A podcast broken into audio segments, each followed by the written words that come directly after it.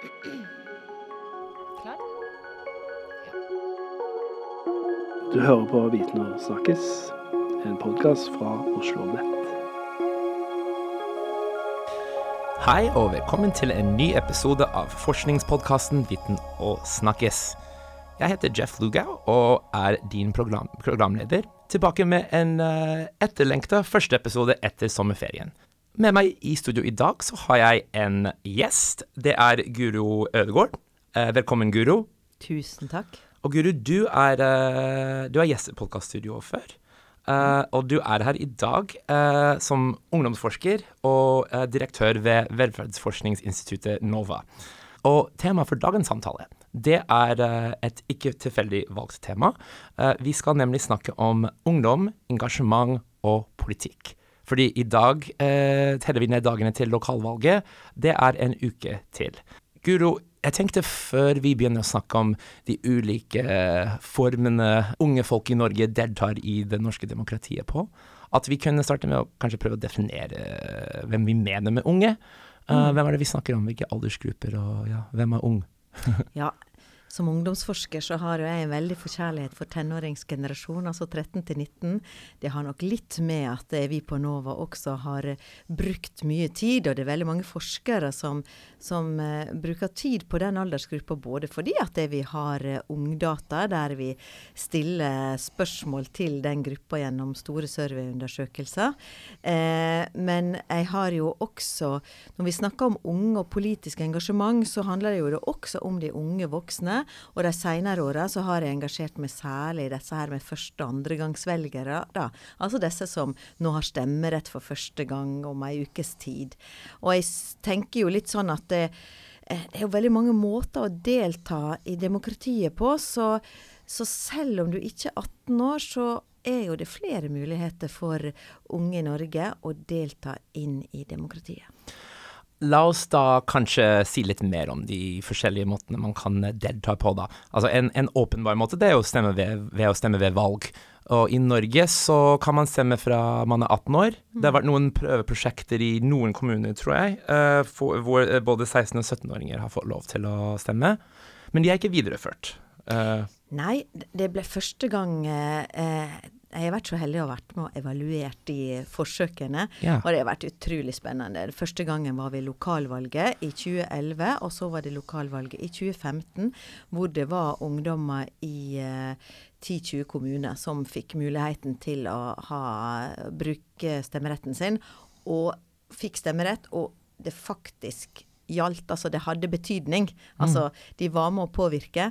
Og det som viste seg som var veldig interessant, både første og andre gangen, det er jo at 16- og 17-åringer stemmer jo i mye større grad enn eldre, enn unge voksne, altså de som er i 20-årsalderen. Så, eh, og, eh, så det var faktisk et veldig viktig sånn forskningsfunn. Unge som har muligheten til å bruke stemmeretten sin, de bruker den.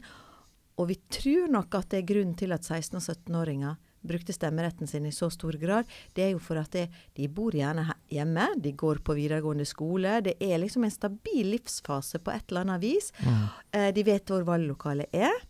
Eh, og det var også i de kommunene hvor de hadde stemmerett for 16-åringer, så brukte de mer tid på skolen også til å diskutere hva betyr politikk, hva er politikk, hva er politiske saker, eh, hvilket parti er det som er nærmest eh, min interesse, eh, og hvordan kan vi bidra og påvirke. Så det var et veldig interessant eh, forsøk, men nå er det et politisk spørsmål. Skal vi ha stemmerett for 16-åringer i Norge? Noen parti ønsker det, andre parti ønsker det ikke.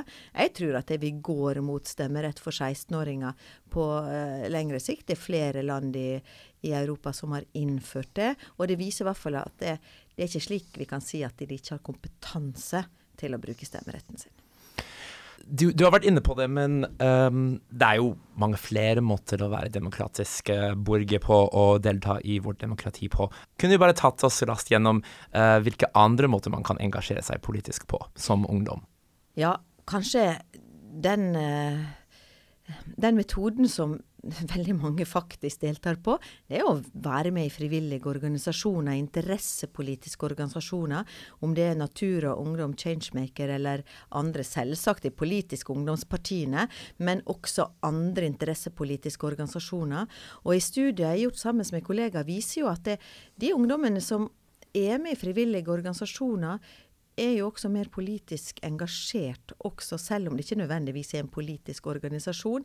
Men det er et eller annet med disse frivillige organisasjonene som bidrar til at du kanskje eh, blir kobla til samfunnet på en annen måte. Du driver på med noe som er litt sånn større enn deg selv. Så vi kaller jo frivillige organisasjoner for skoler i demokrati. Og det er jo slik i Norge at det er veldig mange frivillige organisasjoner er jo også ungdomsstyrte. Slik at det, en får på mange måter læring i dette å representere flere stemmer enn bare sin egen stemme. Og vi har til og med sett at det for enkelte ungdommer som ikke nødvendigvis er vokst opp i familier der eh, en diskuterer politikk rundt kjøkkenbordet, og gjerne med minoritetsbakgrunn og sånn, som ikke kjenner så godt til det norske demokratiet også, at til og med det å være med i fritidsklubb der en har medvirkning, eller i idrettslag, også øke sannsynligheten for å være med i mer sånn politiske aktiviteter. Så at frivillige organisasjoner er en viktig kanal, det eh, har forskninga vist. Så har vi, Det er den første. Og den andre er jo dette her med sånn aktivisme. Det å gå i demonstrasjonstog og stå opp for enkeltsaker. Det har jo vi sett de senere åra har blitt veldig eh, utbredt. Altså klimastreiken i 2019 mm. er jo et sånn typisk eksempel. Men vi skal ganske mange år tilbake før vi ser de store ungdomsbevegelsene på 60- og 70-tallet, hvor ungdomsopprøret liksom der gikk i gatene. Men vi har sett flere eksempel på det også eh, gjennom disse siste tiår. Så dette å delta i enkeltsaksaksjoner er den andre. Den tredje biten er jo at rundt omkring i kommunene så har vi også mange sånne ungdomsråd, sånn medvirkningsorgan. Mm. Mange er jo kritiske til det, fordi at de mener at det er en type deltakelse på voksne politikers premisser. Men vi har jo sett at i en del kommuner så har jo de på mange måter reell, eh, reell makt også ved at de, de, sitter som representanter i kommunestyret eller har tale- og forslagsrett og, og sånn. sånn så, det, så det er jo en måte for politikere også å få inn unge unge stemmer på. da. Så det er jo liksom den mer sånn medvirkningsbiten. Og vi skal nok være klar over at etter hvert tiår så er det et eller annet. Så er det forebygging som er det store. Vi skal forebygge ungdom. Det var 80-tallet. 90-tallet var jo et sånt medvirkningens tiår. Eh, og det var veldig mange forsøk på å inkludere unge. Men nå snakker jo vi i større grad om, om, eh, om makt, om at det unge skal ha makt. Og det at så mange som bruker stemmeretten sin av førstegangsvelgere i dag, eh, gir jo også ungdomsgenerasjonen en reell makt, ikke bare medvirkning. Jeg hadde lyst til å supplere med et par eksempler for å bygge opp under det du nettopp uh, delte med oss. Altså En er uh, en annen uh, grasrotsbevegelse som unge i Oslo sto i bresjen for, og faktisk i andre byer i Norge også, og det var de George Floyd-protestene. det var nettopp unge folk i Oslo med minoritetsbakgrunn, og i Trondheim, hvis jeg ikke husker feil, og i Bergen, hvis jeg ikke husker feil, som sto bak. Og, og, og, bare en annen litt sånn anekdotisk fra meg, observasjon knytta til uh, ungdommenes uh, politiske makt og i Norge. Altså, jeg kommer fra USA, som noen av våre lyttere vet. Uh, der har vi så å si ikke unge i Altså som representerer oss på vårt storting. Der har vi ikke ungdomsorganisasjoner som har noen særlig innflytelse eller makt på vårt politiske system. I Norge, for meg, er det slående hvordan man har funnet plass til ungdommer i, i, i vårt demokrati. Mm. Um, er det noe du tror nordmenn flest uh, er klar over, eller liksom har uh, setter pris på med, med, sitt demokrati? At ungdommer får, får denne sjansen til å påvirke? Ja, absolutt. Og jeg tror det er liksom institusjonalisert også, dette her at det, eh, at eh, det er jo en stor sånn verdi.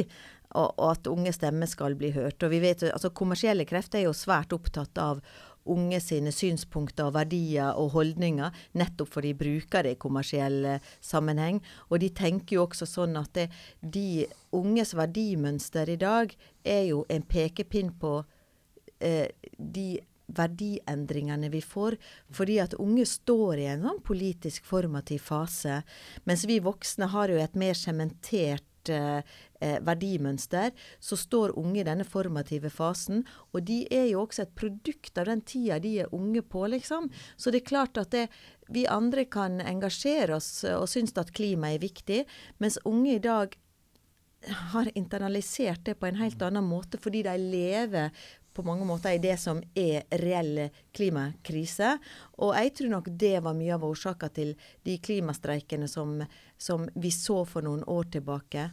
Og hvor vi også kan avdekke gjennom forskninga at det, her ser vi et generasjonsskille mellom unge og eldre, ved at unge i større grad er opptatt av klimaspørsmål enn eldre velgere. Uh, du, det, det, du, har nå laget en fin bro til uh, neste tema jeg hadde lyst til å spørre deg litt om.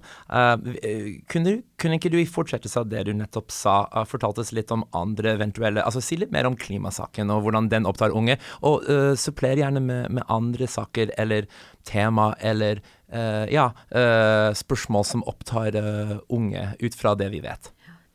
Ja, når det gjelder, gjelder klimasaker, så har det siste tida også vært mye uh, spørsmål om at unge i dag ikke er så opptatt av klima. De var det for noen år tilbake og sånn. Og jeg tror det er litt vanskelig å, å kartlegge litt sånn på så kort sikt. Nå er ungdom opptatt av akkurat den saka, men om et kvarter så er de opptatt av noe annet. Jeg tror vi må se det i et mye lengre perspektiv. Og jeg har prøvd å gjort det ved å se på politisk engasjement blant ulike typer generasjoner. Og det er klart at det, som jeg sa tidligere, så er ungdom et produkt av den tida de vokser opp i. De er særlig vare for sosiale, politiske og kulturelle endringstrekk i sin samtid. Og det er jo derfor vi så disse her på 60, altså 68-erne som gjorde opprør mot Eh, sementerte kjønnsrollemønster, og Vietnamkrigen, så de protesterte mot alt dette. De store, de store Og de klarte jo å endre også samfunnet i stor grad, fordi at disse unge er jo de som også får makt etter hvert. da. Så når vi ser nå at det er unge i større grad enn voksne prioriterer klima som en viktig sak når de skal velge politisk parti, så tror jeg at det er en tendens som vi kommer til å se videre framover også. Samtidig som vi ser nå, det er jo mange andre saker som har vært på dagsorden. Det er krig i Europa, som selvsagt også er med på, på å forme eh, eh dagens unge, liksom. At det, verden Absolutt. er ikke så trygg som den var. ikke sant? Hele disse terror kan skje på der du bor. Et sant? Det er ikke noe som skjer langt unna. Og også dette her med at uh, fattigdommen øker. Sant? Sosial ulikhet. Er større forskjeller mellom ungdom i dag, hvor du vokser opp, hvilke familier du vokser opp i. Og det er klart at det, dermed er det mange litt sånn kritiske saker som, som står på dagsorden, og som selvsagt også opptar, opptar unge i dag. Alt i tillegg til dette her som jeg er liksom opptatt av at politikk politikken må ikke være for distansert for unge. Det må handle om hverdagslivets erfaringsramme.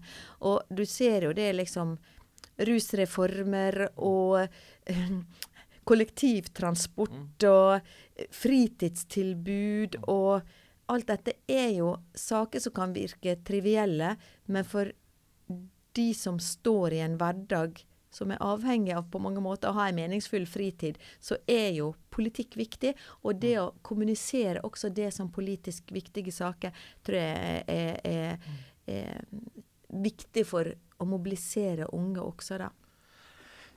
Du har egentlig i stor grad svart på, på, på dette, men jeg, jeg, drister meg likevel til å spørre om du vil utdype uh, rundt eh, det begrepet du brukte, generasjonskløfte.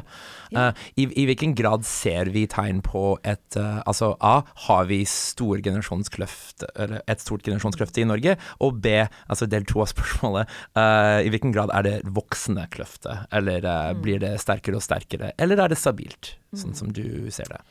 Ja, igjen så er jo det litt sånn eh, vi mangler jo sånn liksom gode data over tid.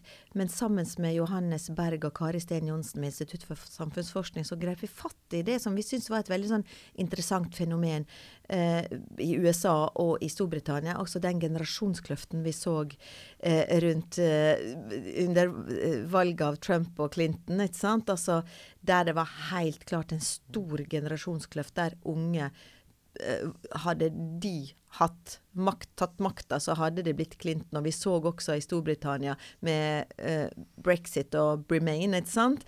Det, og vi ønsket jo å se på dette her, og ser vi den samme generasjonskløfta i, i Norge? Og hva er, som, hva er det som skjer når hva betyr det liksom for, eh, for, samfunnet når vi får sånne type kløfter? Vi fant ikke en sånn type generasjonskløft i, i, Norge. Og jeg tror nok at litt det som du var inne på tidligere, at det, her finnes kanaler for å si sin mening, selv om det er folk som står utenfor de kanalene også.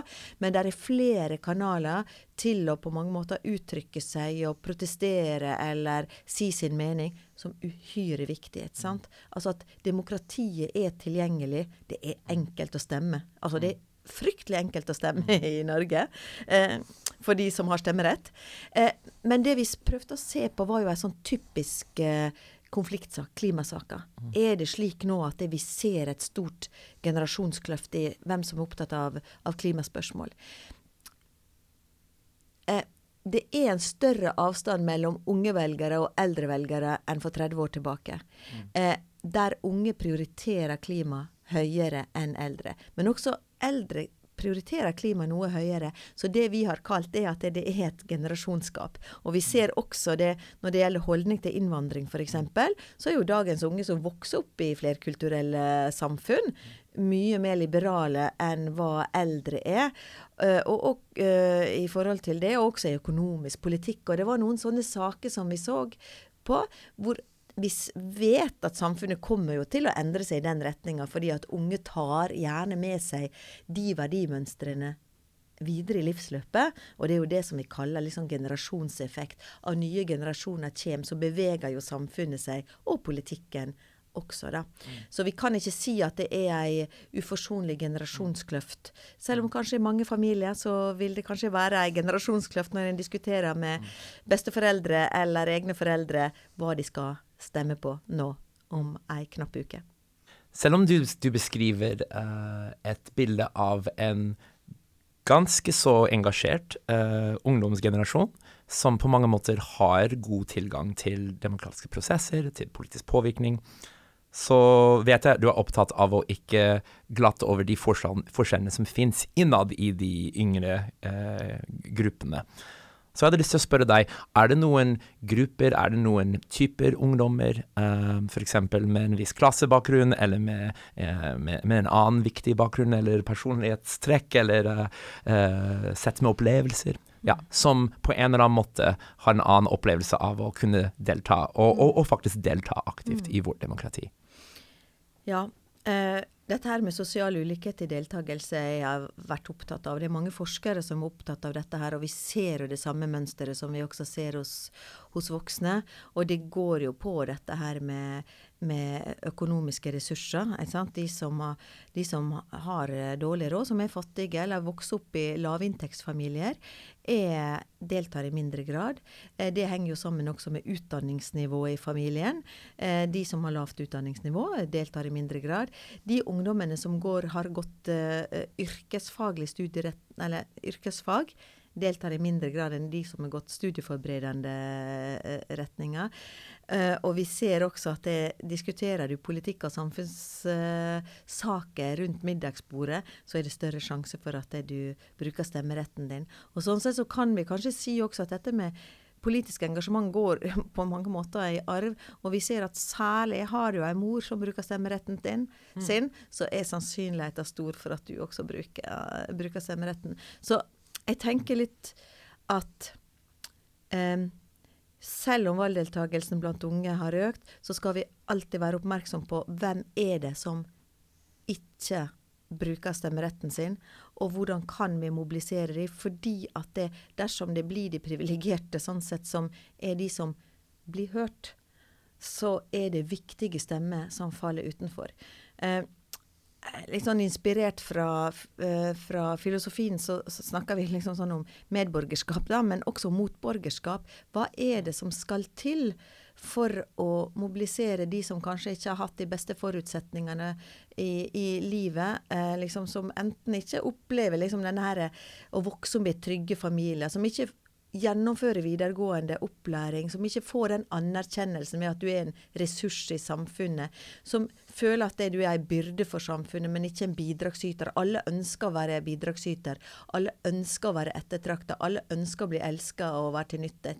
Altså Det er et eller annet med der at vi må snu dette bildet og si at de med de erfaringene, de med de oppveksterfaringene, er så viktige for politikken og for å skape et inkluderende demokrati. For vi vet alle hvor ødeleggende det er for et demokrati dersom det blir polarisering og noen velger å holde seg utenfor fordi at en føler at det ikke nytter. Så det er den ene gruppen. Dette her er um, dette med sosial ulikhet. Den andre gruppen som jeg um, og flere med meg er svært opptatt av for tida, det er jo de unge, unge guttene. Um, Eh, nå har vi et mannsutvalg som skal levere sin eh, rapport i, i mars. Jeg er veldig spent på hva de kommer fram, fram, med. For det vi ser også innenfor valgdeltakelse, er jo det at det er vært nå i noen, et, et par tiår hvor jentene har brukt stemmeretten sin i litt større grad enn guttene. De siste årene har vi sett at dette gapet har økt. At unge gutter stemmer i mye mindre grad enn eh, en unge jenter. Så når du spurte om ei generasjonskløft, så kan vi kanskje si er vi på vei inn i et sånt kjønnsgap i eh, politisk deltakelse? I så fall er det svært uheldig, fordi at vi trenger også de unge, unge menn sine stemmer og synspunkter inn i, inn i politikken.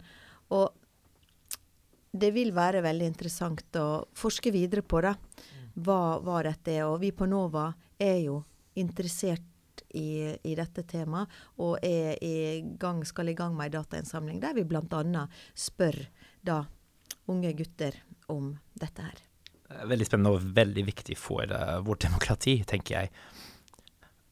Du har nettopp trukket fram uh, noen uh, utfordringer som enkelte grupper i norske samfunnet møter som potensielle demokratiske borgere i vårt samfunn.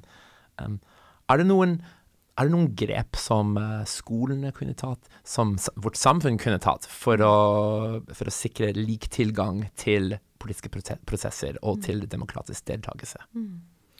Ja, jeg tror også viktigheten av liksom dette med, med, å legge til rette for uh, frivillige og uh, barne- og ungdomsorganisasjoner er veldig viktig. Jeg tror, tenker det, det På veldig mange vis er det veldig viktig. Men jeg tenker også at det, nå har jo um, eh, norsk skole også et større fokus på dette her med, med sånn tverrfaglige fag med både sånn demokrati og medborgerskap som et sånn tverrgående fag i videregående skole. Eh, og jeg tenker at det, dette har nok kunnskap om politikk og de prosessene der, er jo svært viktig for de som ikke sitter og snakker om dette her rundt middagsbordet. Eh, og det som vi har sett på, er jo at det, hva er det som er det viktigste eh, mobiliseringsfaktoren? Jo, det er liksom dette at unge har en sånn slags type politisk mestringstro. At en har troen på at man kan delta. Og at en har troen på at det, min stemme har en verdi. Og det har jeg kalt en sånn demokratisk superkraft. da. Mm. sånn at det, det å bidra til at alle unge får økt sin politiske mestringstro. Min stemme er viktig.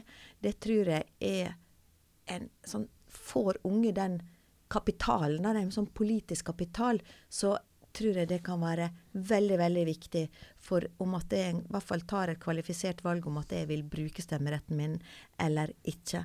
En er ikke likegyldig til det. Denne uka vi sitter i studio og spiller inn denne episoden, så foregår det, som du nevnte helt innledningsvis, skolevalg eh, rundt om i det hele landet.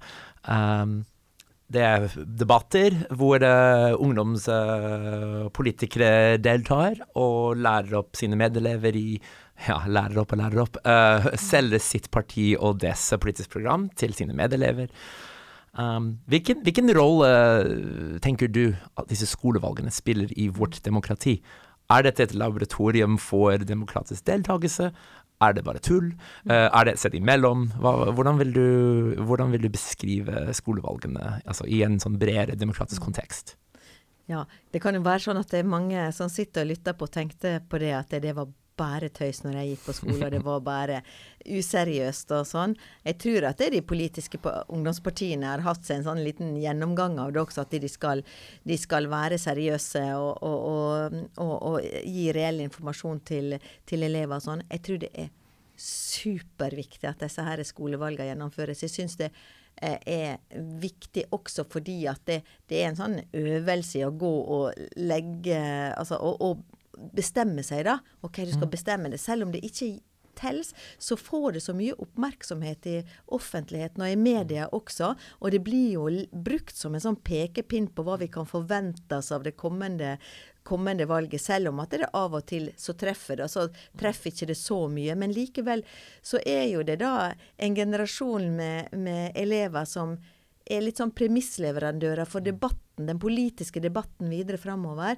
Og uh, når jeg har vært på feltarbeid og jobba med liksom, stemmerett for 16-åringer og litt sånne ting, så, så, så, snakker elevene varmt om dette med skolevalg, og så er det litt sånn gøy, og så er det litt sånn temperatur og litt sånn useriøsitet, men også seriøst når at en skal, skal, skal bidra. Så jeg vet alle at det, OK, den som var, som var råest, er den som får flest stemmer på den skolen. Og så kan det variere litt. Men i sum så gir jo det veldig ofte en pekepinn på hva vi kan forvente oss noen dager seinere ved, ved, det ordinære valget. Guro Ødegaard, takk for at du var med i studio i dag. Takk for at jeg fikk være med. Ja.